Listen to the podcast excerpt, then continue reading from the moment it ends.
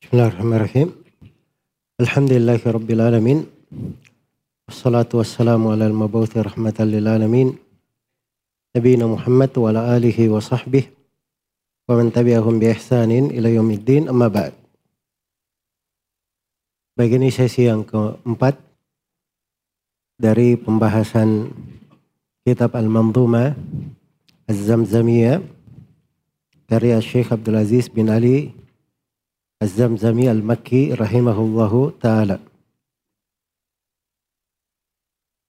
Baik, kita telah masuk ke dalam pembahasan Al-Iqdul Awal. Kita sudah baca empat anwa. Ada empat bentuk dari ulumul Quran yang disebut oleh penulis dari 12 bentuk yang beliau akan uraikan. Kita akan masuki halaman 16. An-Naul Khamis was Sadis. Al-Lailiyu wan Nahariyu. Bentuk kelima dan keenam. Al-Lailiyu dan An-Nahariyu.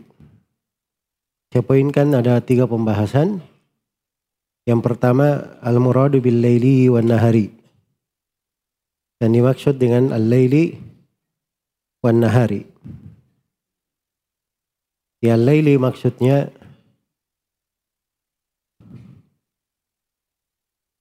mana zala minal Qur'ani fil lail. Ya apa yang turun dari Al-Quran di malam hari. Dan nahari maksudnya mana zala minal Quran fin nahar. Apa yang turun dari Al-Quran di siang hari. Baik. Kemudian setelah itu penulis rahimahullah menjelaskan tentang beberapa contoh yang turun di malam hari. Ini pembahasan yang kedua, addu manazala fil lail. Penjumlahan ayat yang turun pada malam hari. Penyebutan ayat yang turun pada malam hari. Kata beliau rahimahullah wa suratul fathi atat fil laili wa ayatul kiblati ay fawalli wa qawluhu ayyuhan nabiyyu qul ba'du li azwajika wal khatmu sahlu anil lati fiha al banatul allati khussat biha azwajuhu fa athbiti wa ayatul thalathati alladhina ay khullifu bi taubatin yakina wa hadhihi ba'dun ala anna al-kathira bin nahari nazala. Beliau sebutkan beberapa ayat yang turun di malam hari. Iya. Dan sini beliau sebutkan ada empat ya. Ada empat. Yang pertama, wasuratul fathi. Suratul fath. Iya yaitu turunnya di malam hari syah di dalam hadits Umar bin Khattab di riwayat Al-Bukhari. Inna fatahna laka fatham mubina. Dan al-fatah yang dimaksud di situ itu Fatah Hudaybiyah. Fatah Hudaybiyah. Bukan Fathu Mekkah ya. Seperti yang disangka oleh sebagian. Tapi pendapat mayoritas ulama ahli tafsir surah Al-Fatah itu maksudnya Fatah Hudaybiyah. Itu pertanda akan datangnya kemenangan. Pertanda akan datangnya kemenangan di perjanjian Hudaybiyah itu adalah itu adalah Fatah. Disebut juga Fatah. Iya.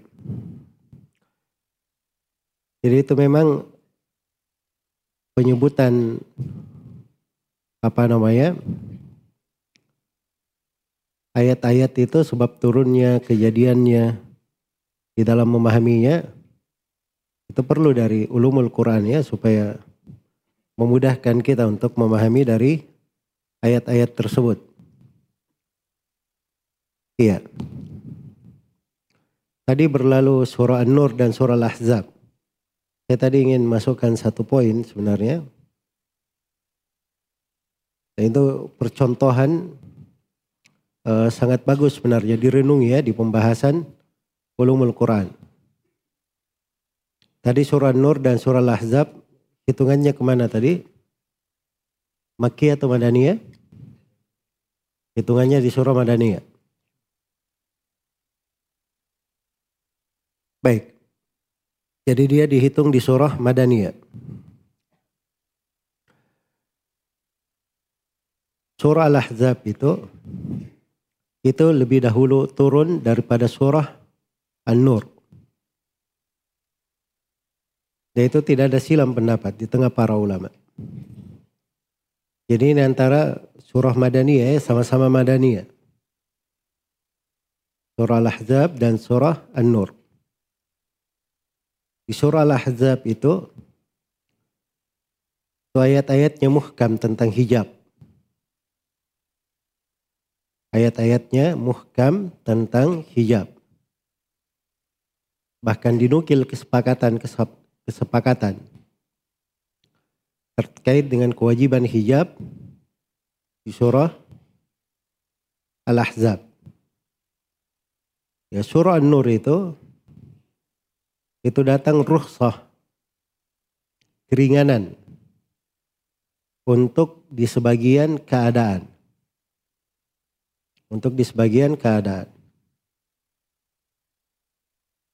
Karena itu keliru di dalam memahami ya. Kalau ada yang menafsirkan misalnya ayat wala yubdina zinatahunna illa ma dhahara minha. Wah ini adalah dalil bahwa menutup wajah dan telapak tangan tidak wajib. Itu keliru di dalam memahami ayat. Sebab kewajiban menutup wajah dan telapak tangan itu muhkam di surah Al-Ahzab. Dan itu tidak ada silam pendapat di tengah para ulama. Iya. Ayat-ayat di surah Nur itu rukhsah, keringanan. Pada kondisi tertentu, keadaan tertentu. Nah itu dibedakan ya antara aurat di dalam sholat dan di luar sholat. Iya.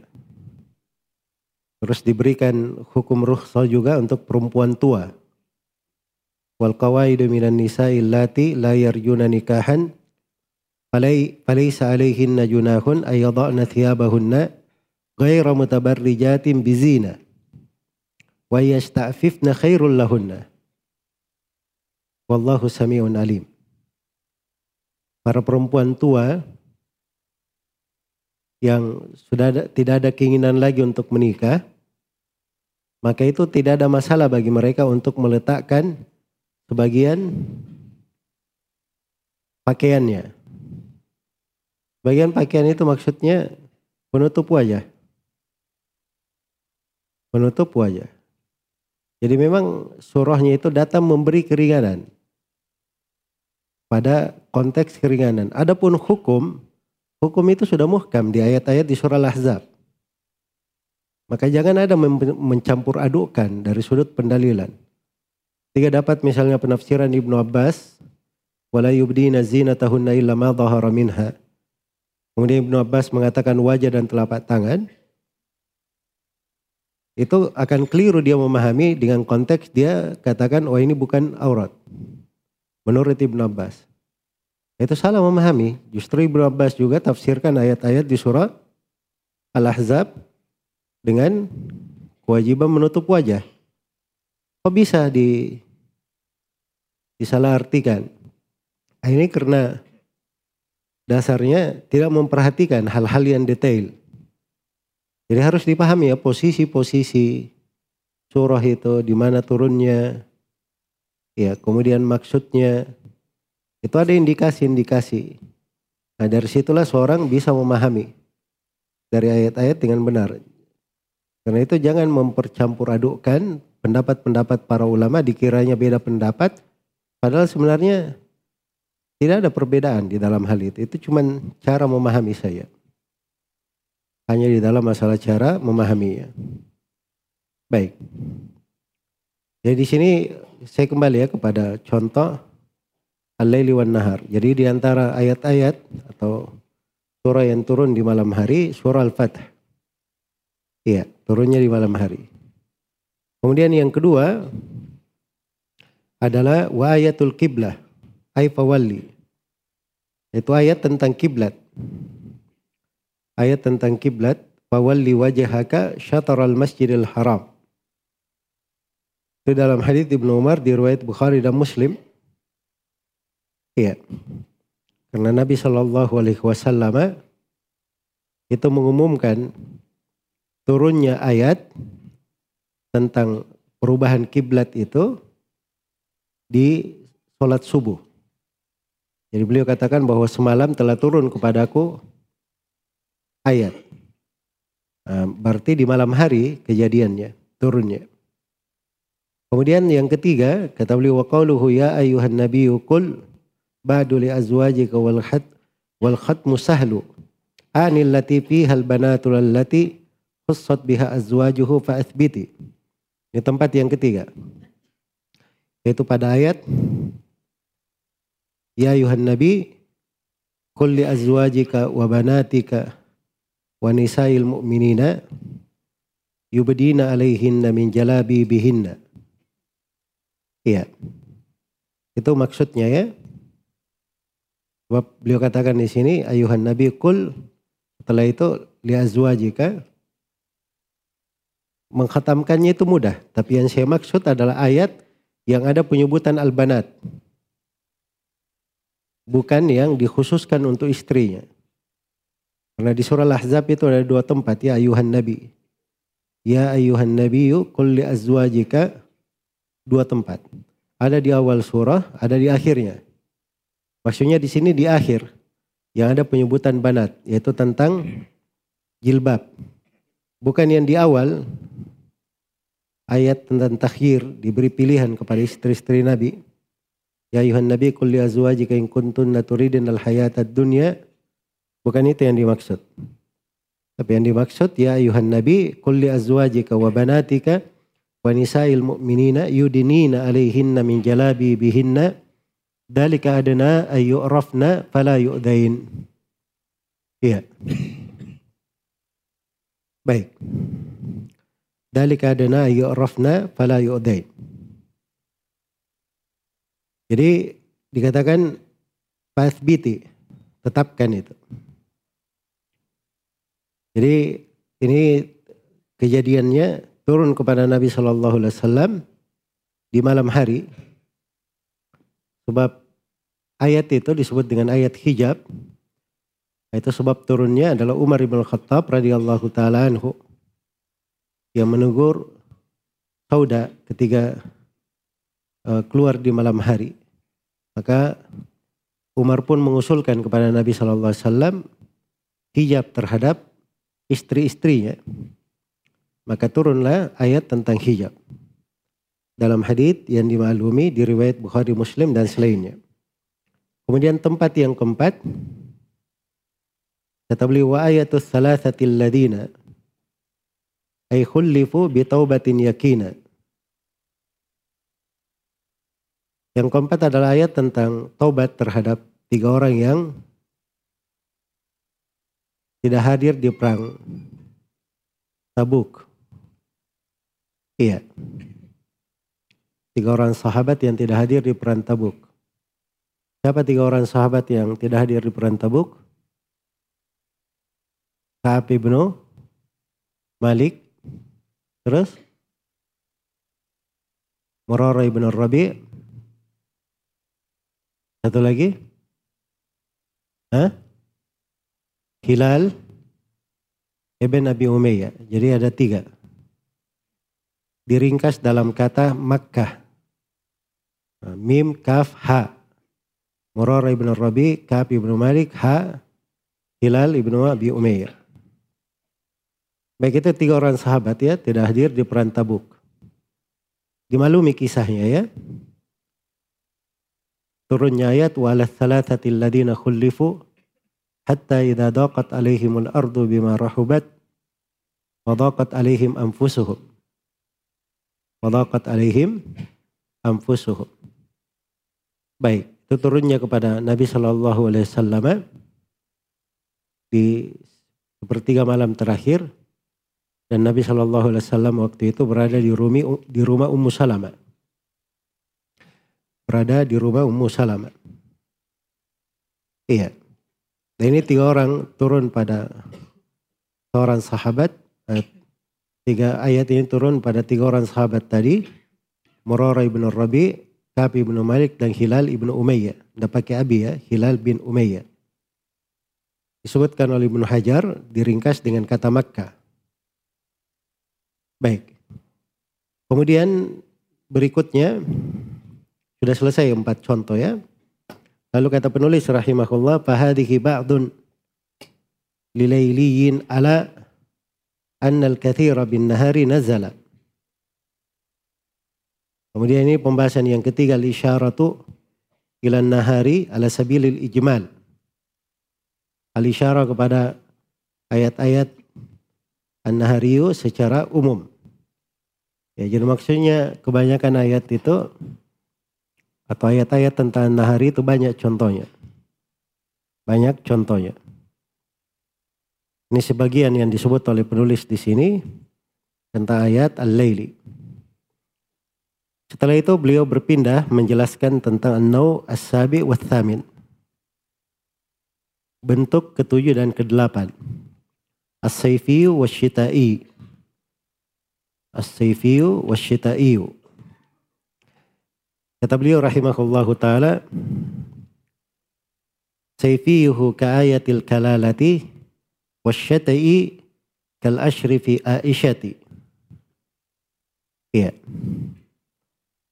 Saya poinkan ada tiga pembahasan. Yang pertama al-muradu bisayfi wasyita'i. Yang dimaksud dengan sayfi wasyita'i. As-sayfi itu adalah apa yang turun dari Al-Quran fi saif. Di waktu saif. Dan adalah apa yang turun dari Al-Quran di waktu syita. Di waktu syita. Iya. Di tengah orang Arab itu dikenal empat musim ya. Dikenal empat musim. Ada namanya Sefi, musim panas. Ada namanya Al-Kharif, musim gugur. Dan ada namanya Syita, musim dingin. Dan ada namanya Ar-Rabi, musim semu, eh, musim semi. Musim semi. Jadi cuma disebut dua saja di sini. As-Saifi dan As-Syitai. Sebab biasanya Kharif itu dia ikut kepada asyita dan Rabi dia ikut kepada as-saif. Dia ikut kepada as-saif. Biasanya begitu. Baik maka disebut dua saja untuk uh, cakupan umumnya. Jadi ayat saifi ayat saifi itu contohnya kayatil kalala. Seperti ayat tentang kalala. Iya. Yaitu akhir ayat yang berada di akhir surah An-Nisa. Yastaftunak kulillahu yuftikum fil kalala. Mereka bertanya, berfat, minta fatwa kepadamu, maka Allah berikan fatwa kepada mereka tentang kalala. Iya. Dan kalala itu adalah orang yang tidak memiliki aslun waris dan tidak memiliki farak waris. Bahasa lainnya dia tidak punya ayah, tidak punya orang tua dan tidak punya anak. Tidak punya orang tua dan tidak punya anak. Itu kalala namanya. Meninggal dalam keadaan tidak punya orang tua dan tidak punya anak-anak. Baik. Ini contoh Seifi karena di Sahih Muslim diterangkan bahwa apa namanya itu turun kepada Nabi Shallallahu Alaihi Wasallam turun ayat ini di as-saif di musim panas. Iya.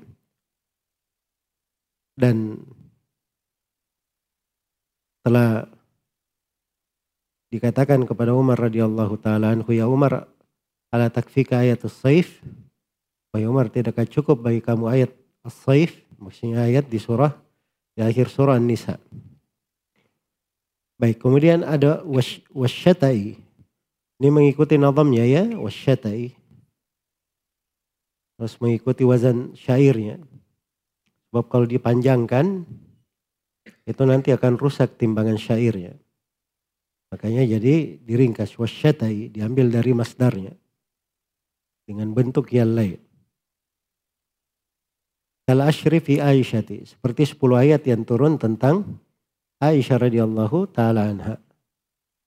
Ini ayat-ayat tentang kisah sucinya Aisyah radhiyallahu taala anha dari tuduhan kaum munafikin.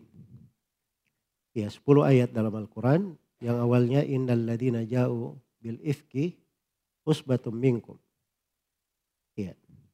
Turun 10 ayat penuh mensucikan Aisyah radhiyallahu taala anha. Baik. Kemudian berikutnya jadi sudah selesai di sini ya. Al-muradu bis sifi wasyitai. Dikrul ayatis. Ada satu ayatul kalala. Dikrul ayatis syitai penyebutan atas ayat syitai itu ayat yang turun kepada Aisyah radhiyallahu taala anha ya 10 ayat. Nah, itu turun pada Nabi Shallallahu alaihi wasallam di yaumin syatin.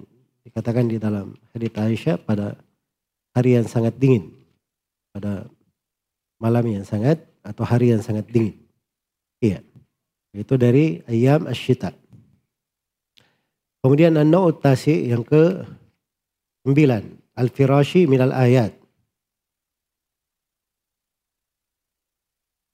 Baik. Bentuk kesembilan ayat-ayat al-firashi. Kata beliau ka ayati thalathatil muqaddamah fi naumihi fi baiti ummi salamah yalhaquhu nazilu mithla ar-ru'ya ikoni ru'ya al-anbiya wahya. Ini saya poinkan ada tiga pembahasan. Yang pertama al-muradu bil firashi. Yang dimaksudkan dengan ayat al-firashi. Yaitu apa yang turun kepada Nabi Shallallahu Alaihi Wasallam wahwa fauqa firashihi dan beliau di atas tempat tidurnya. Beliau di atas tempat tidurnya. Iya. Sawa'un kana naiman amla. Apakah beliau dalam keadaan tidur atau tidak? Baik. Demikian ta'rifatnya ya di sebut di Nahjud Taisir. Baik.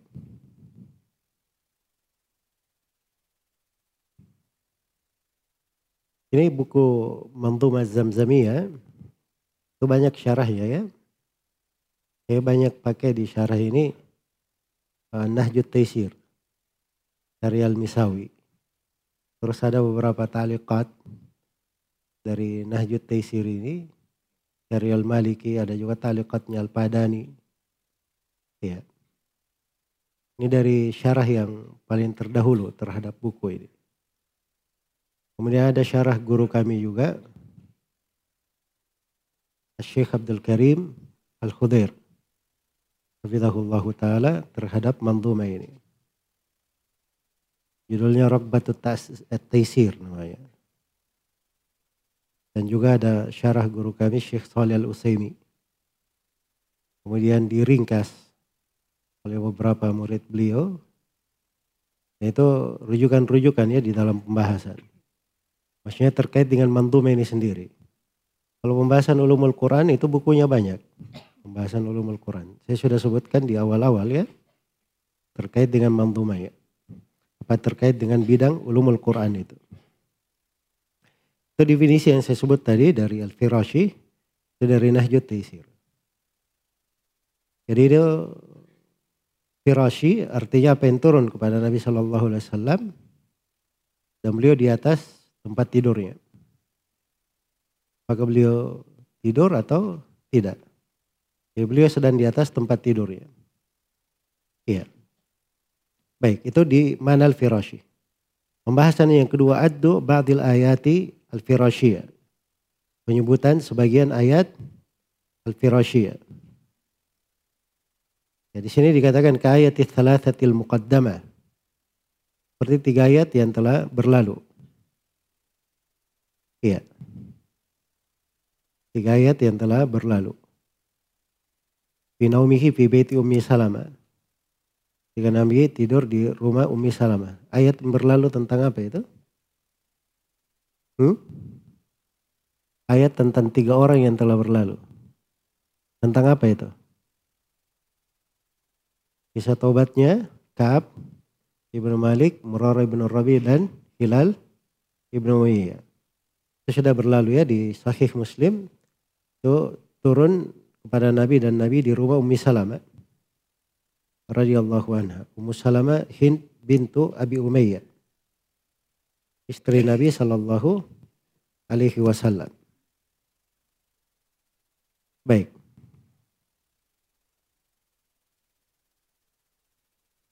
Kemudian kata beliau, ini pembahasan yang ketiga, al-isyaratu ilal mulhaqi biha.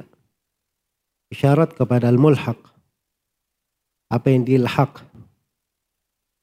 diikutkan pada ayat Al-Firashi. Iya. Kenapa dikatakan mulhak? Sebab ini turun kepada Nabi Wasallam dalam keadaan beliau tidur. Dalam keadaan beliau tidur. Makanya disebut mulhak.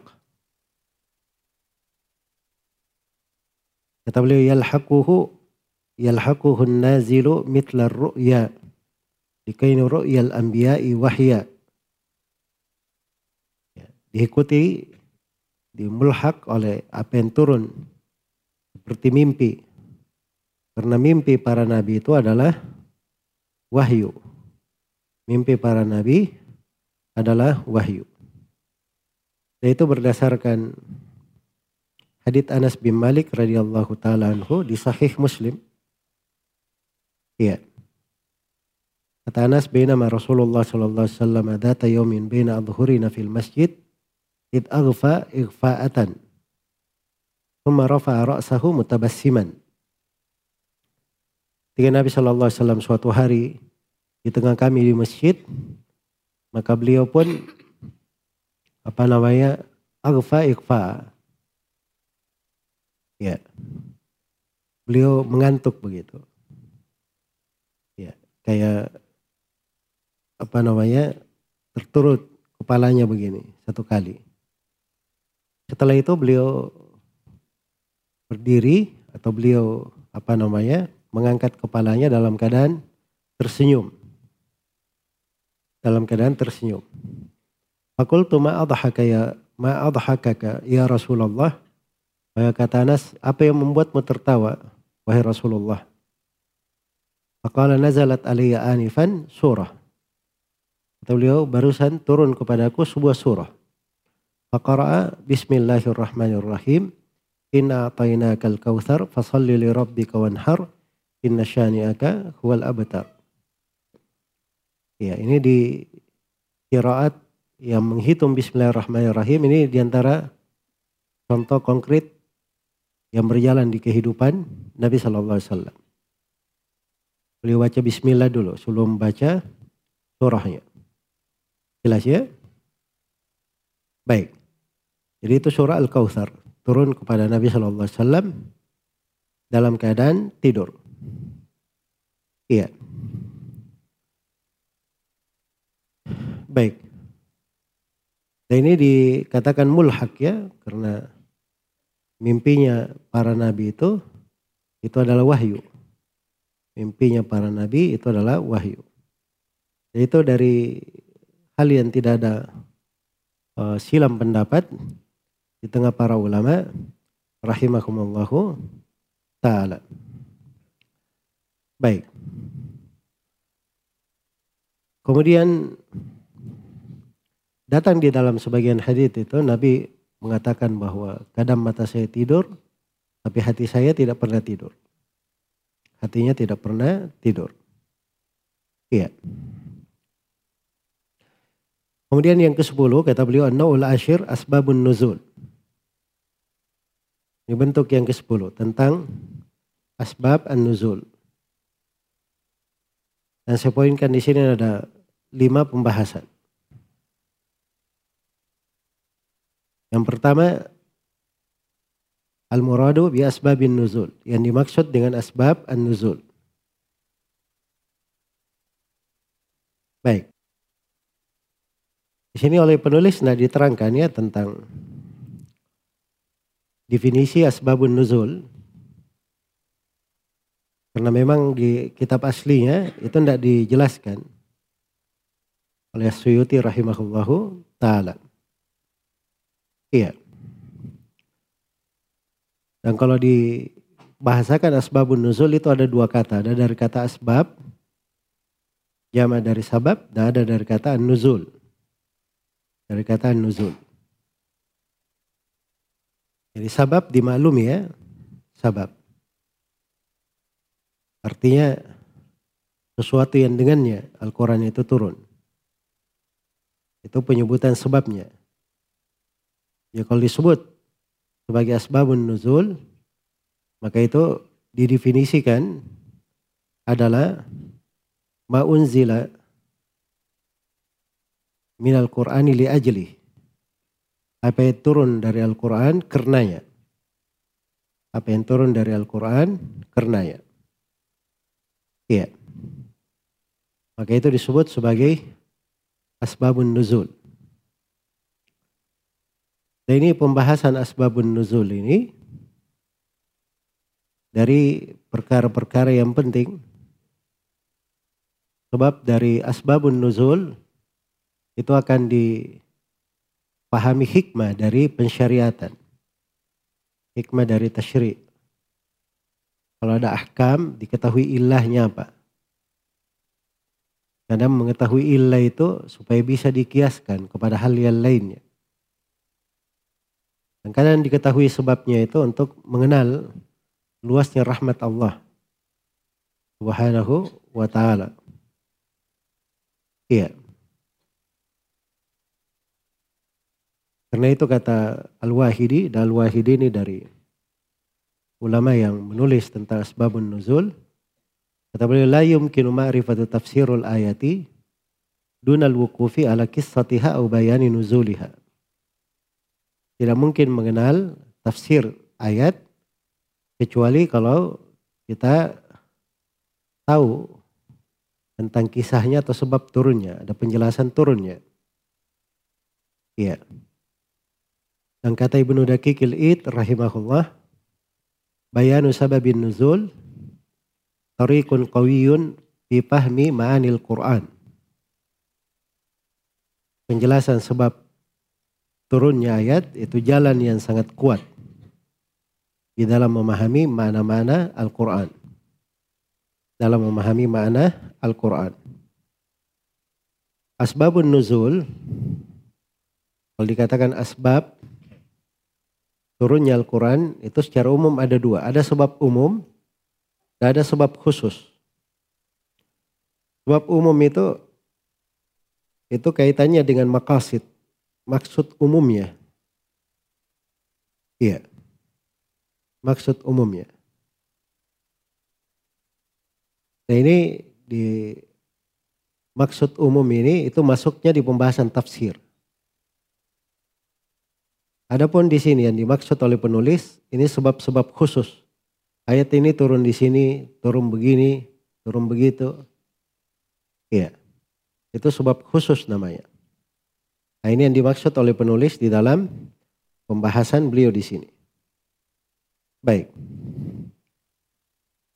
Kemudian dari uh, jadi tadi kita sebut ada sebab umum, ada sebab apa? Khusus. Sebab khusus yang dimaksud oleh penulis. Kalau sebab umum itu kan menjelaskan tentang maksudnya, apa yang diinginkan oleh syariat, ya, atau surah itu maksudnya secara umum apa, temanya apa, pembahasannya apa. Ya, dan itulah yang kadang dibahas tentang rahasia atau hikmah-hikmah di belakang surah. Iya. Baik. Kemudian setelah itu pembahasan yang kedua ifradu asbabin nuzul bit tasnif. Ini mulai dari ucapan penulis wasannafal a'immatul asfara fihi fayammim nahwa istiftar fayammim nahwa istifsara ma fihi ruwa an sahabiyyin rufi' wa in bighairi sanadin famunqati' aw tabi'i famursalun wa sahhati asya kama li ifkihim min qissati wasa'i wal hijabi min ayati khalfal maqamil amri bis salati Jadi pembahasan yang kedua ifradu asbabin nuzul bitasnif. Penyendirian asbabun nuzul dalam penulisan. Iya. Dalam penulisan. Jadi yang menulis dalam asbabun nuzul itu banyak sekali. Banyak. Yang paling dahulu itu kalau disebut di karya-karya tulis para ulama. Yang paling dahulu menulis itu guru Al-Bukhari, Ibnu Al-Madini. Ali bin Abdillahi Abdul Hasan Ibn al-Madini. Itu dikatakan yang paling pertama menulis atau paling la, paling terdahulu menulis dalam Asbabun Nuzul. Iya. Kemudian ditulis oleh para ulama buku-buku di dalam hal itu. Yang paling populernya itu adalah apa yang ditulis oleh Al-Wahidi Asbabun Nuzul yang ditulis oleh Al-Wahidi. Itu mungkin dari uh, buku yang apa namanya paling luas ya dalam penyebutan Asbabun Nuzul. Satu jilid tebal dia. Asbabun Nuzul Al-Wahidi. Dari Ibnu Hajar sendiri beliau punya buku judulnya Al-Ujab. Yes. Tentang terkait dengan Asbabun Nuzul juga. Karya Ibnu Hajar. Iya. Dasyuti rahimahullahu taala juga punya kitab dalam hal tersebut. Judulnya Lubabun Nukul Yasbabin Nuzul. Ya, tapi ada yang mengatakan Asyuti belum belum menyempurnakan bukunya tersebut. Iya. Dan di antara tulisan yang paling bagus itu adalah buku yang ditulis oleh guru kami, Syekh Mukbil bin Hadi Al-Wadi rahimahullahu taala. Judulnya As-Sahihul Musnad As-Sahihul Musnad min Asbabin Nuzul. Jadi judulnya As-Sahihul Musnad min Asbab An-Nuzul. Iya. Beliau hanya menyebutkan hadith-hadith yang sahih saja. Seputar asbabun nuzul. Tapi itu pun syarat Syekh Mukbil itu terlalu apa namanya berat ya. Ada sebagian penyebutan asbabun nuzul dari sudut uslub ilmu tafsir itu sebenarnya bisa dipakai. Bisa dipakai, tapi oleh Syekh Mukbil nggak nggak disebut di dalam buku beliau. Sahihul Musnad. Iya. Ini buku Alhamdulillah kita pelajari dari Syekh Mukbil dari awal hingga akhirnya. Langsung kepada penulisnya, rahimahullah. Dan belakangan Buku ini disyarah oleh murid beliau, guru kami juga Syekh Uthman As-Salimi, hafidhahullahu ta'ala. Dan saya beberapa tahun lalu melihat ada sekitar empat jilid ya buku juga tentang seluruh mausua tentang asbabun nuzul. Jadi apa yang disebut sebagai asbabun nuzul dia bahas sahih atau lemah. Ya, cuman saya belum terlalu detail membaca buku itu sehingga apa namanya bisa diberi pandangan ya terkait dengan kualitas bukunya. Hanya saja dari sudut e, maksud mengumpulkan itu bagus ya, bagus. Iya. Ya, maksudnya asbabun nuzul ini ditulis oleh para ulama karya-karya tulis. Makanya disebut al-asfara. Al-asfar itu jama dari sifar. Al-asfar jama dari sifar. Artinya ditulis padanya buku-buku. Ya, ditulis tentangnya buku-buku. Baik. Kemudian kata beliau, dan ini pembahasan yang ketiga, tariku, ma'rifati asbabin nuzul wa naqlul mahad. Cara mengetahui asbabun nuzul adalah dengan penukilan semata. Dengan penukilan semata. Qad sannafal a'immatul asfara fihi. Maksudnya. Fayammim nahwaha istifsara. Fayammim, maka maksudkanlah. Dalam apa namanya eh, buku-buku itu istifsara. Ya. Bertanya istifsar tentangnya.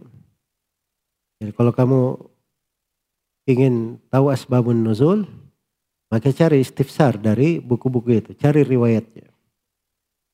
Nah ini menunjukkan bahwa penukilan asbabun nuzul itu itu semata dari nakal. Harus ada riwayat. Harus ada riwayat. Nah boleh seorang itu mengarang-ngarang sendiri. Bikin cerita-cerita sendiri. Terkait dengan asbabun nuzul. Iya. Dia duga begini, oh ini kayaknya ayat begini, turun di kisah begini. Itu tidak boleh ya, dia hubung-hubungkan. Walaupun misalnya itu ada di dalam sebuah hadis yang sahih kisahnya, tapi dia hubungkan ayat dengan sebuah kisah tertentu, walaupun mana ayat ketemu, itu tidak boleh, harus ada nas. Harus ada penukilan.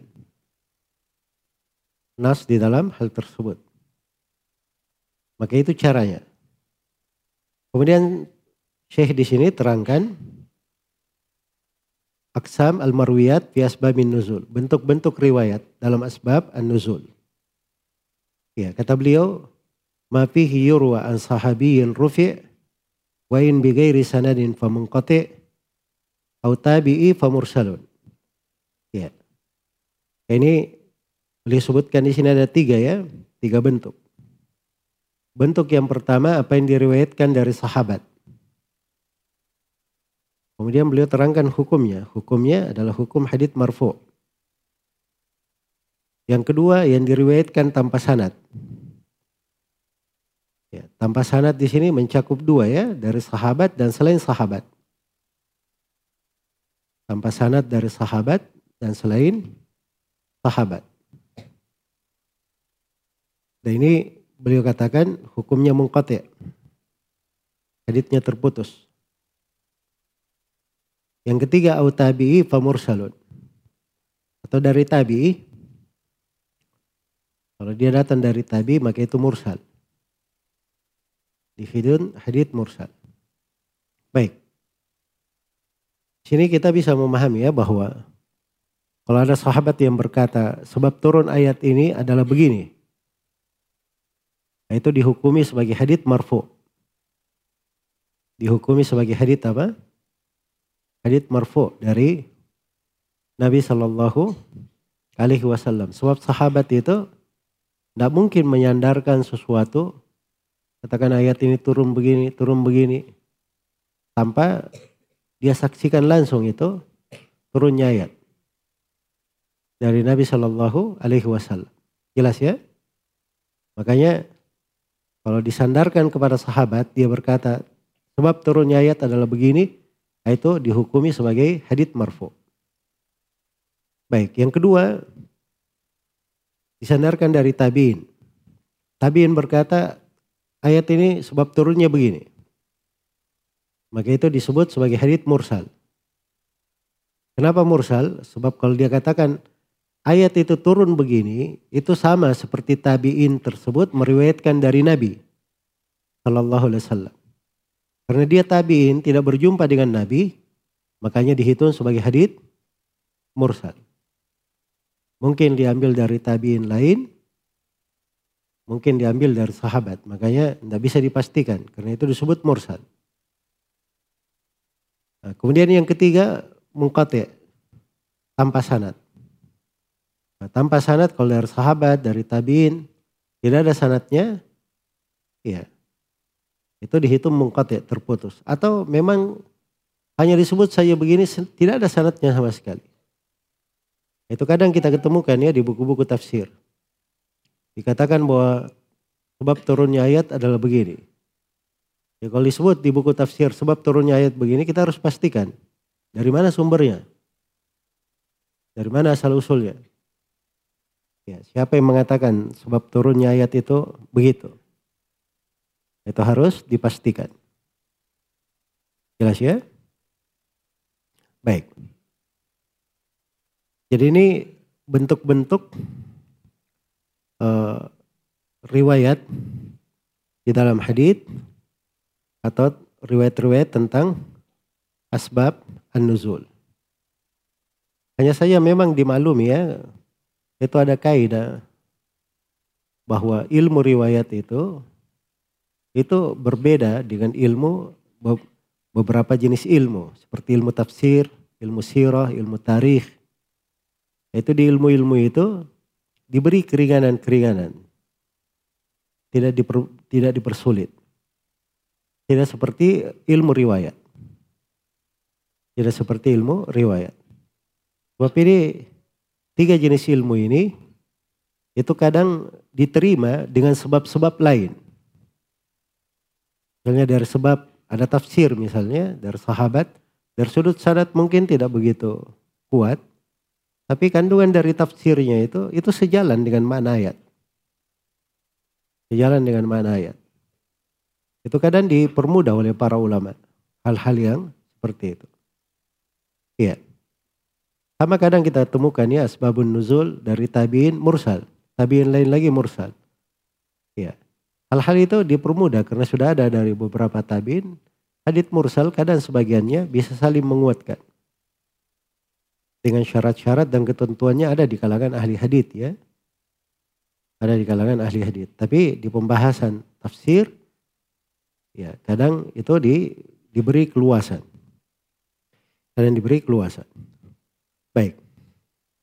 Ya di sini memang uh, perlu kedetailan ya. Makanya ilmu itu itu dipelajari, ditalaki, ya diambil dari guru itu dari pembahasan ilmu di segala sudutnya. Jadi kalau seorang sudah masuk di ilmu hadith, dia sudah masuk ulumut tafsir, dia masuk juga di pembahasan sirah, maka dia tahu kaidah-kaidah para ulama dalam ilmu-ilmu itu ada kaidahnya masing-masing. Baik. Kemudian setelah itu penulis rahimahullahu taala uh, berkata di sini ini uh, pembahasan yang kelima addu ba'di ma sahha sababun nuzulihi minal Quran. Beberapa contoh sebab nuzul yang sahih dari Al-Quran. Kata beliau wasahhati asya. Asya dari kata asya'u ya di apa namanya di tarhim di kasar karena untuk mengikuti di kasar karena mengikuti wazannya. Wasahhati asya kamali ifkihim min qissati. Ini contoh dari asbabun nuzul yang sahih. Ada empat di sini. Yang pertama tentang kisahul ifk. Kisah al ifk baik ini tentang Aisyah lagi ya radhiyallahu taala anha. Akan datang nanti apa namanya? berbagai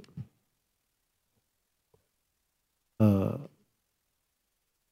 pembahasan itu ada ayat-ayat yang turun disebabkan karena Aisyah radhiyallahu taala anha. Bahkan kadang seperti ayat tayamum ya turun itu karena hilang kalungnya Aisyah. Aisyah pinjam kalung bagian istri Nabi. Kalau nggak salah punya Ummu Salamah. Hilang kalungnya. Dan Nabi pun perintah para sahabat untuk mencarinya. Akhirnya terlambat. Belum sholat tidak ada air.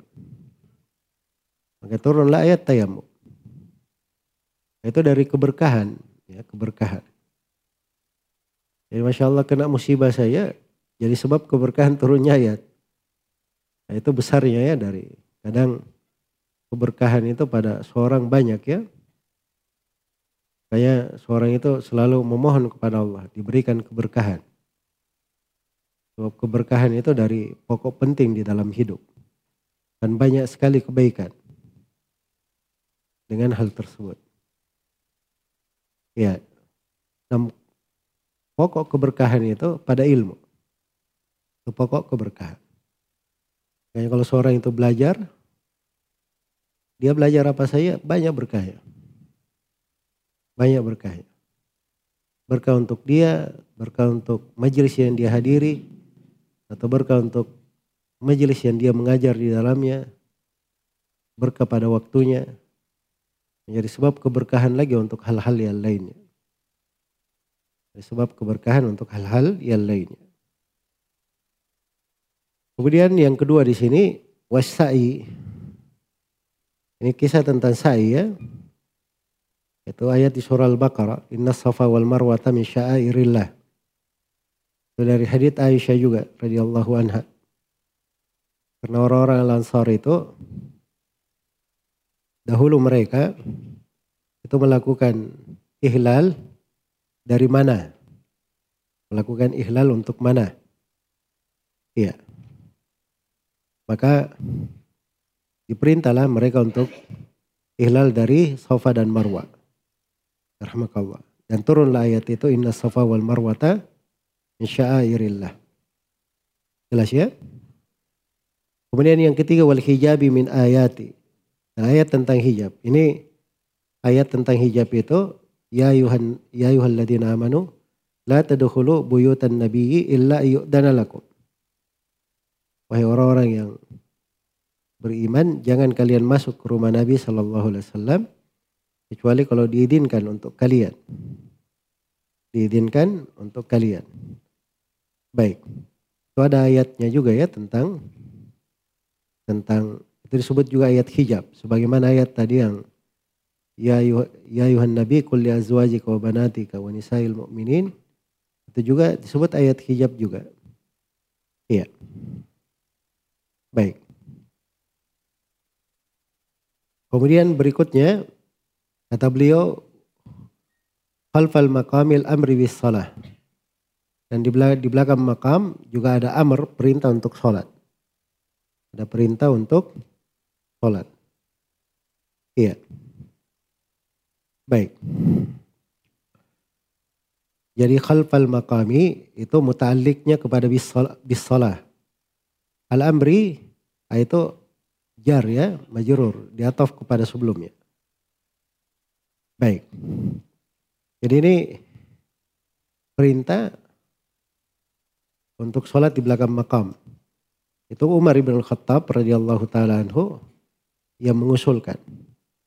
Karena itu di dalam apa namanya uh, di dalam Sahih Al Bukhari Umar ibn Khattab radhiyallahu taala anhu berkata, "Wafaqtu Rabbi fi thalath." Saya mencocoki Robku pada empat tempat. Iya. Baik.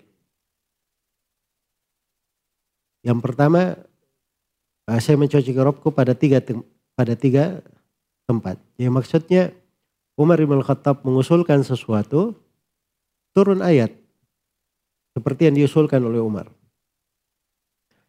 Yang pertama, Umar pernah berkata, Ya Rasulullah, lawit takhatta maqama Ibrahim musalla. Wahai Rasulullah, dia kata, engkau jadikan makam Ibrahim sebagai tempat sholat. Maka turunlah ayat, min maqami Ibrahim musalla. Iya. Dan juga Umar berkata, Ya Rasulullah, inna nisaka yadukhul alaihin albir, albar wal fajir. Kalau amar tahunna ayah tajibna, ya Rasulullah sungguhnya istri-istri engkau itu masuk menjumpai mereka orang baik dan orang fajir. Andai kata engkau perintah mereka untuk berhijab, maka turunlah ayat hijab. Ayat hijab yang dimaksud tadi ya, cuman ada riwayat lain, itu penyebutan tentang kisah Sauda tadi. Sauda turun juga, itu Umar, nah ayat itu yang turun. Jelas ya? Baik, kemudian eh, apa namanya? Ketika istri-istri Nabi Shallallahu Alaihi Wasallam eh, bersepakat untuk eh, terkait dengan gira kecemburuan kepada Nabi ya, maka Umar berkata kepada mereka, barangkali Allah kalau berkehendak kalian akan ditalak lalu nabinya akan diganti.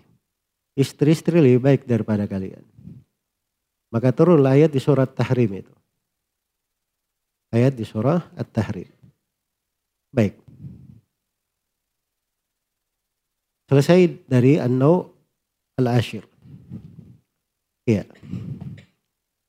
Asbabun nuzul itu dari faidah di dalam mengenal asbabun nuzul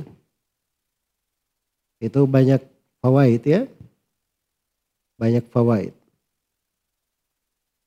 Ya, di antara faidahnya adalah penegasan bahwa Al-Quran itu turun dari sisi Allah. Karena Nabi SAW kadang bertanya sesuatu. Turun wahyu. Turun wahyu langsung Nabi SAW mengabarkan tentang hal itu. Seperti ketika beliau ditanya tentang ruh. Maka turun ayat wa kanir ruh kulir ruhu min amri rabbi wa ma utitum minal ilmi illa qalila. Iya. Baik. Kemudian yang kedua dari keindahan pembahasan asbabun nuzul ini kita mengenal bagaimana perhatian Allah Subhanahu wa taala kepada rasulnya sallallahu alaihi wasallam dan bagaimana pembelaan Allah kepada rasulnya. Iya. Nah, itu kadang orang-orang kafir berucap sesuatu maka turun kepada nabinya ayat-ayat. Iya. Tiga orang kafir berkata, kenapa Al-Quran itu tidak turun sekaligus? Maka turunlah ayat. Qala alladhina kafaru laula unzila alaihi al-Qur'anu laula nuzila alaihi al-Qur'anu jumlatan wahida. Kadzalika linuthabbita bihi fuadak wa rattalnahu tartila. Wala ya'tunaka bimathalin illa ji'naka bil haqqi wa ahsana tafsira. Baik. Kemudian di dari penyebatan babun nuzul juga ini Terkadang di belakangnya kita mengenal bagaimana Allah Subhanahu wa taala memberi jalan keluar untuk hamba-hamba diberi keringanan. Seperti kisah tentang ayat tayamum itu. Iya. Kemudian di antara bentuk pentingnya memahami asbabun nuzul sudah diterangkan ya dari Al-Wahidi Ibnu Daqiqil Id itu untuk memahami ayat dengan pemahaman yang benar. Memahami ayat dengan pemahaman yang benar. Juga di antaranya supaya kita mengenal hikmah, hikmah syariat di belakangnya. Dan itu ada fungsinya ya di dalam ahkam, di dalam mentaklil, di dalam mengkiaskan, mengetahui maqasid syariah dan sebagainya. Perkara-perkara yang penting dan dimaklumi. Baik. Kemudian setelah itu penulis rahimahullah berpindah kepada nau al-hadiya ashar awal manazal. Bentuk ke-11 awal ayat yang turun. Kata beliau ikra alal asahhi fal muddathiru. Awaluhu wal aksu qawmun yakthuru. Ya. Awaluhu tatfifu thumma al-baqarah wa kila bil aksi bidaril hijrah. Baik. Sini saya poinkan ada tiga pembahasan. Yang pertama al-muradu bi awali manazal. Yang dimaksud dengan awal yang turun. Awal manazal. Baik, kalau dikatakan awal manazal artinya awal wahyu yang diwahyukan kepada Nabi Sallallahu Alaihi Wasallam. Iya. Jadi untuk awal yang turun dari Al-Quran itu, penulis sebutkan di sini ada dua pendapat. Ikra alal asahi fal muddathiru. Ikra kemudian al muddathir. Menurut pendapat al asah. Pendapat yang paling kuat. Pendapat yang paling kuat. Ya kalau paling kuat itu biasanya begini ya. Ada yang kuat, ada yang kuat, ada yang kuat. Ada yang paling kuat. Nah. Ya dia maksudnya yang lainnya itu itu dia tidak sepelekan ya, tapi dianggap kuat juga. Tapi ini yang paling kuat. Karena itu beda ya takbir para ulama itu. Kadang dia bahasakan al-asah. Itu halus ya. Maksudnya biasanya kalau silam pendapatnya kuat, dia terjih, dia pakai al-asah. Tapi kalau silam pendapatnya lemah, pendapat kuatnya itu lebih terang, dia tidak pakai tabir al-asah. Dia akan pakai tabir as-sahih. Yang sahih. Sebab yang sahih itu hanya dua. Yang sahih atau batil kan begitu. Tapi kalau al-asah enggak. Sahih, sahih, sahih. Ada yang asah. Ada yang paling sahih. Iya. Makanya para ulama itu itu detail dalam ibarat ya. Mereka kalau membahasakan sesuatu itu detail. Makanya ciri penuntut ilmu itu kalau dia terbiasa memakai ibarat yang detail. Itu menunjukkan akalnya dia.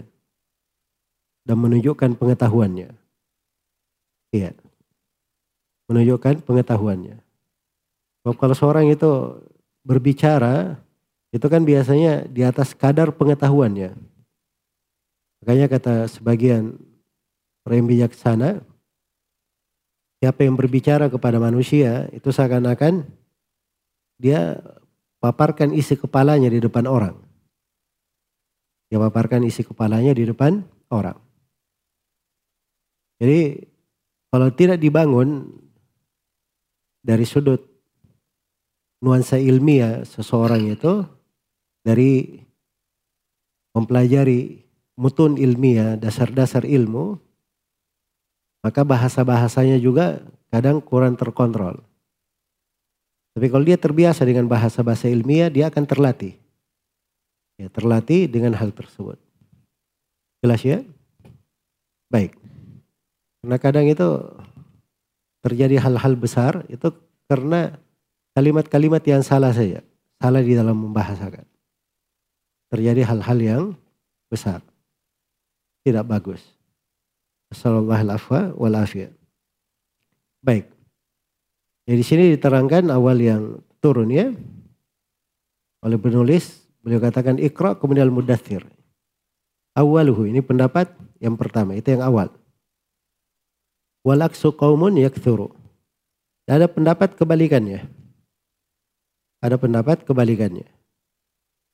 Pendapat kebalikannya, dia katakan yang pertama turun adalah Al-Muddathir. Setelahnya surah Al-Alaq. Surah Al-Alaq. Ya, pendapat yang pertama itu adalah pendapat kebanyakan ya, kebanyakan ulama. Iya. Yaitu tegas dari Aisyah radhiyallahu anha. Itu yang populer di kita ya, Iqra, kemudian apa? Al-Muddathir. Dan memang kalau dilihat pada riwayat-riwayatnya, jelas tentang hal tersebut. Ada riwayat-riwayat yang menunjukkan bahwa Iqra dulu baru Al-Muddathir. Dan riwayat yang paling tegasnya itu, itu adalah hadits Aisyah radhiyallahu Ta'ala anha. Di riwayat Bukhari dan Muslim. Karena Aisyah di situ berkata awwalu ma budi'ah bihi Rasulullah sallallahu alaihi wasallam. Awal Nabi itu dimulai dengan wahyu itu adalah ru'yah salihah. Pertama mimpi dulu beliau. Iya, mimpi. Setelah itu beliau akhirnya banyak ke Gua Hira beribadah sendirian. Sampai datang kepada beliau malaikat. Lalu disebutkanlah kisah Iqra itu.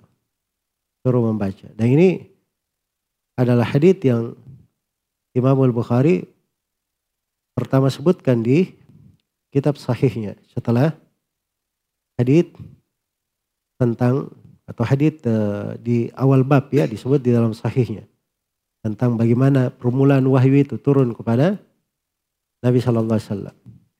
Itu di kisah yang panjang ya. Hadith yang ketiga di Sahih Al Bukhari. Iya. Kisahnya panjang. Baik. Imam Al Bukhari ketika menyebutkan hadith ini di sini di tempat itu itu menunjukkan bahwa itu benar adalah awal wahyu yang turun. Itu yang populer ya. Cuman datang pendapat lain, ya ada pendapat lain dari sejumlah ulama mereka mengatakan yang pertama turun adalah Al-Muddathir. Kemudian Iqra. Dan itu dasarnya adalah hadith di riwayat Bukhari dan Muslim juga. ya, terkait dengan Jabir radhiyallahu taala. Ketika ditanya mana dari Al-Quran yang pertama kali turun, kata beliau ya ayuhal muddathir. Iya. Kemudian si penanya Abu Abdurrahman, Abu Salamah bin Abdurrahman berkata, bukankah ikra bismi rabbika? Maka Jabir pun bercerita, kenapa beliau memahami itu. Jadi beliau itu mengatakan ya ayuhal muddathir karena dia pahami sebuah kisah. Dia pahami sebuah kisah di situ. Ya kisah yang dipahami oleh Jabir itu adalah kisah ketika Nabi Shallallahu Alaihi Wasallam uh, melihat Jibril, ya melihat Jibril, ternyata Jibril itu sedang duduk antara langit dan bumi di atas kursi. Kan Nabi pulang, pulang ke rumahnya berkata zammiluni, zammiluni, zammiluni, selimuti saya. Selimuti saya, selimuti saya. Maka turunlah ayat ya yuhal muddathir. Nah, ini oleh Jabir radhiyallahu taala anhu beliau pahami bahwa ini adalah awal ayat yang turun kepada Nabi. Padahal sebenarnya bisa dikompromikan ya. Apa yang disebut oleh Aisyah, Iqra itu yang awal. Memang setelah turun Iqra itu, tidak langsung turun wahyu begitu. Tapi ada masa. Nah di masa ini, nah di situlah Nabi kembali melihat Jibril. Kemudian pulang ke rumah itu yang dicerita oleh Jabir. Baru turun ayat itu. Ya sebenarnya Jabir radhiyallahu taala anhu itu memahami sesuai dengan kisah yang sampai kepada beliau. Iya. Karena itu penulis membahasakan al-asah pendapat yang terkuat, yang paling kuat itu adalah ikra dulu kemudian apa? Kemudian ya yuhal muddathir.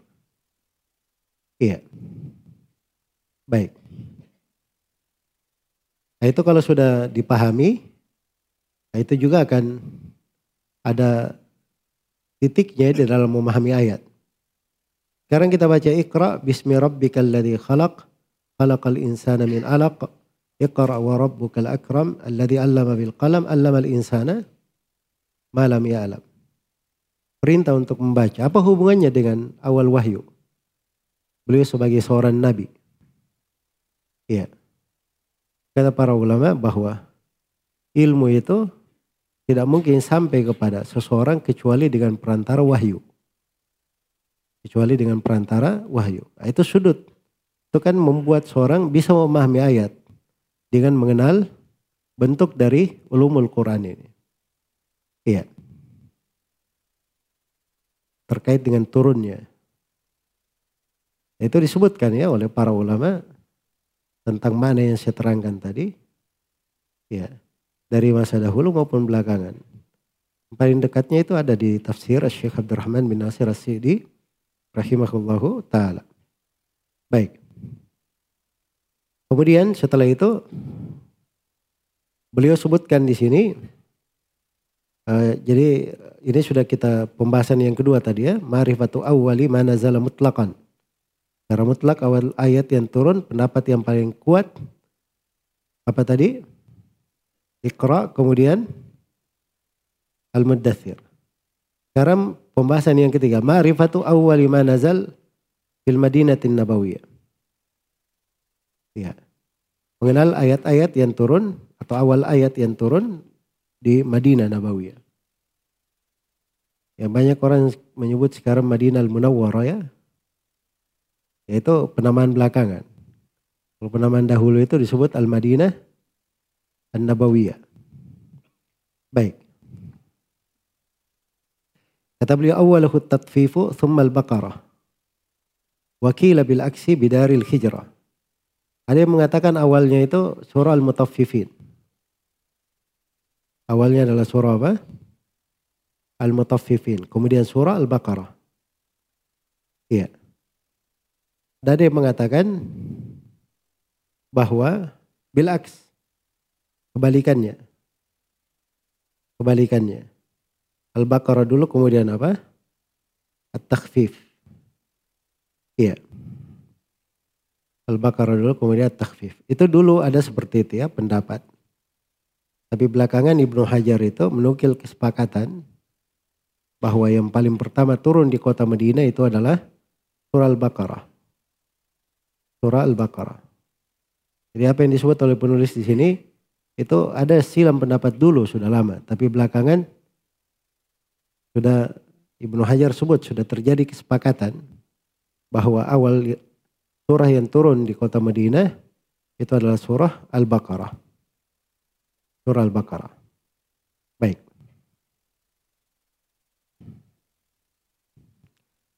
Kemudian setelah itu penulis rahimahullahu taala berpindah ke An-Naw Asyar.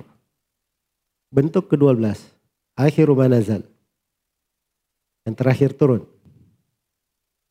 Yang terakhir turun. Kata beliau rahimahullahu taala Wa ayatul kalalatil akhirah kila riba aydan wa kila gairah. Ini saya poinkan dua pembahasan ya. Yang pertama al-muradu bi akhir manazal. Yang dimaksud dengan akhir yang turun. Yang maksudnya akhir yang turun adalah akhir wahyu yang diwahyukan kepada Nabi Shallallahu Alaihi Wasallam. Iya. Jadi dimaklumi ya bahwa syariat kepada Nabi Shallallahu Alaihi Wasallam itu sempurna. Jadi ketika disebut tentang akhir yang turun kepada Nabi, artinya syariatnya itu lengkap sudah ya. Syariat lengkap, sempurna. Itu terakhir turun. Ya, begitu turun ayat al-yawma akmaltu lakum dinakum wa atmamtu alaikum ni'mati wa raditu lakumul islam adinan. Itu kan turunnya di mana? Di Arafah. Di Hajatul Wada, haji perpisahan. Ya, itu bulan 12. Bulan Dzulhijjah. Masih ada setelahnya bulan Muharram, bulan Safar, kemudian Rabi al-awal. Masih ada tiga bulan. Turunnya ayat itu Rasulullah SAW masih hidup. Itu masih ada ayat yang turun. Jelas ya? Nah, ini Ayat-ayat yang terakhir turun ini, ini yang dibahas oleh penulis di sini. Jadi beliau katakan bahwa ini pembahasan yang kedua ya, marifatu akhiri manazal minal Quran. Itu dihapus ya min ulumil Quran. Salah tulis itu. Di terjemahnya juga salah ya. Dihapus. Akhir manazal minal Quran. Akhir yang turun dari apa? Dari Al-Quran. Jadi akhir ayat yang turun dari Al-Quran adalah ayat itu Al-Kalalah kata penulis. Ayat tentang kalalah. Wakil riba. Dari mengatakan ayat riba. Wakil gairah. Dari mengatakan selain daripada itu. Ya, kalau bahasa Suyuti dalam An-Nuqaya, beliau katakan begini. Kila ayatul kalalah. Ada berkata ayat tentang kalalah. Itu ayat terakhir di surah An-Nisa yastaftunak Walillahu yuftikum fil kalala. Ini mru'un dan seterusnya. Satu. Wakila ar-riba. Ada yang mengatakan ayat riba. Itu ayat di surah Al-Baqarah ya. Ya ayuhalladzina amanu taqullah wadaru ma bakiya minar riba. Baik wakila wattaku yawman turja'una fihi ilallah. Iya. Wattaqu yawman turja'una fihi ilallah. Ada yang mengatakan seperti itu. Dan ini datang dari Ibnu Abbas radhiyallahu taala. Bagaimana bahwa ayat riba turun datang dari Ibnu Abbas juga, ayat riba. Tapi ini mudah ya untuk dikompromikan untuk Ibnu Abbas itu mudah. Mungkin Ibnu Abbas berpendapat ayat terakhir wattaqu yawman turja'una fihi ilallah tapi ayat yang terakhir tentang hukum ahkam itu adalah ayat riba. Ayat riba. Iya. Baik. Kemudian berikutnya kata beliau wakila akhir bara'ah. Jadi mengatakan bahwa ayat yang pertama kali turun, ayat yang terakhir turun itu adalah akhir surah bara'ah. Akhir surah bara'ah. Yaitu ayat laqad ja'akum rasulun min anfusikum azizun alaihi ma anittum harisun alaikum bil mu'minina raufur rahim. Fa in tawallaw faqul hasbiyallahu la ilaha illahu alaihi tawakkaltu wa huwa rabbul arsyil azim. Itu dua ayat terakhir dari surah Al-Baqarah. Jadi ada yang mengatakan itu adalah ayat yang terakhir. Iya. Baik, dan itu datang dari Al-Bara bin Azib radhiyallahu taala anhu.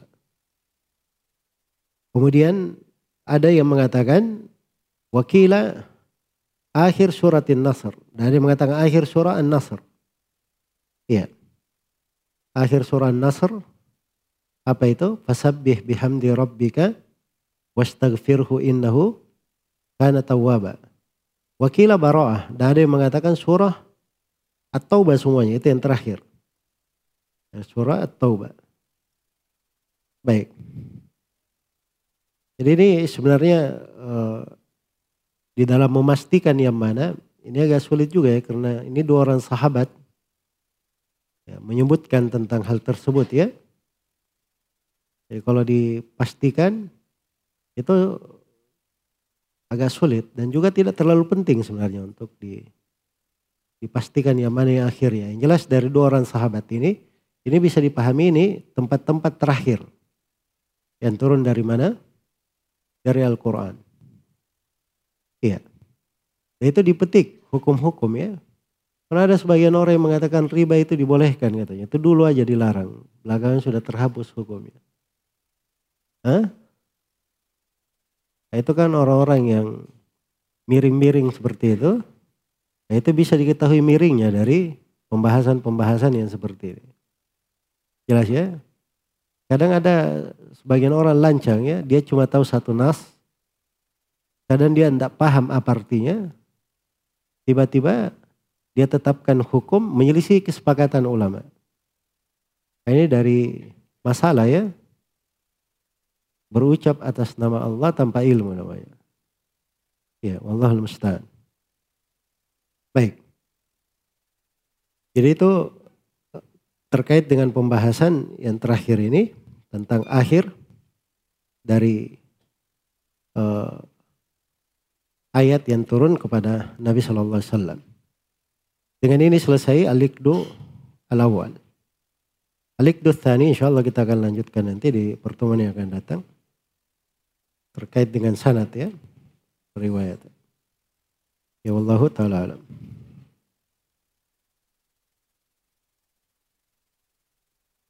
Baik.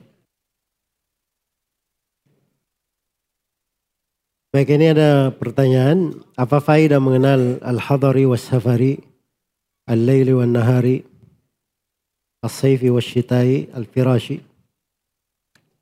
Ya. Jadi pertama anwa itu bentuk-bentuk dari ulum. Ada yang kadang kelihatan zahir faidahnya. Dan ada yang kadang kelihatan faidahnya itu di kondisi-kondisi tertentu. Pada hal yang dialami oleh seseorang di dalam memahami. Tapi yang jelas bahwa pembagian ulum di tengah para ulama itu ambil kaidah umum ya, bentuk-bentuk dari ulum. Dan disebutkan apakah di bidang ulumul Quran, ulumul hadith, di usulul fiqh. Itu pasti ada faidahnya. Pasti ada faidahnya. Dan ini dari faedah paling sedikitnya misalnya, ada faedah keimanan. Terkait dengan bagaimana turunnya Al-Quran itu. Dan bagaimana rahmat Allah serta inayah Allah untuk umat ini. Turun kepada mereka ayat-ayat di berbagai keadaan. Ya tidak kenal waktu, tidak kenal tempat, Kadang di malam, kadang di siang, kadang di perjalanan, kadang di mukim. Kadang Nabi di atas tempat tidur, sedang tidur. Turun ayat-ayat. Rahmat untuk umat. Jelas ya? Itu aja satu faedah, sudah faedah ya. Di pembahasan. Ya, sudah faedah di pembahasan. Tapi kalau di memahami ayat itu akan lebih kuat dia memahami ketika dia tahu dari pembagian-pembagian ini. Ya wallahu taala. Baik. sampai sini dulu ya. Besok nanti insya Allah masih ada waktu di sesi terakhir nanti. Nah kita masih ada empat sesi. Juga materinya enggak, sudah apa namanya mendekati pertengahan buku. Kita sambung insya Allah di pertemuan besok. Subhanakallahumma wa bihamdik.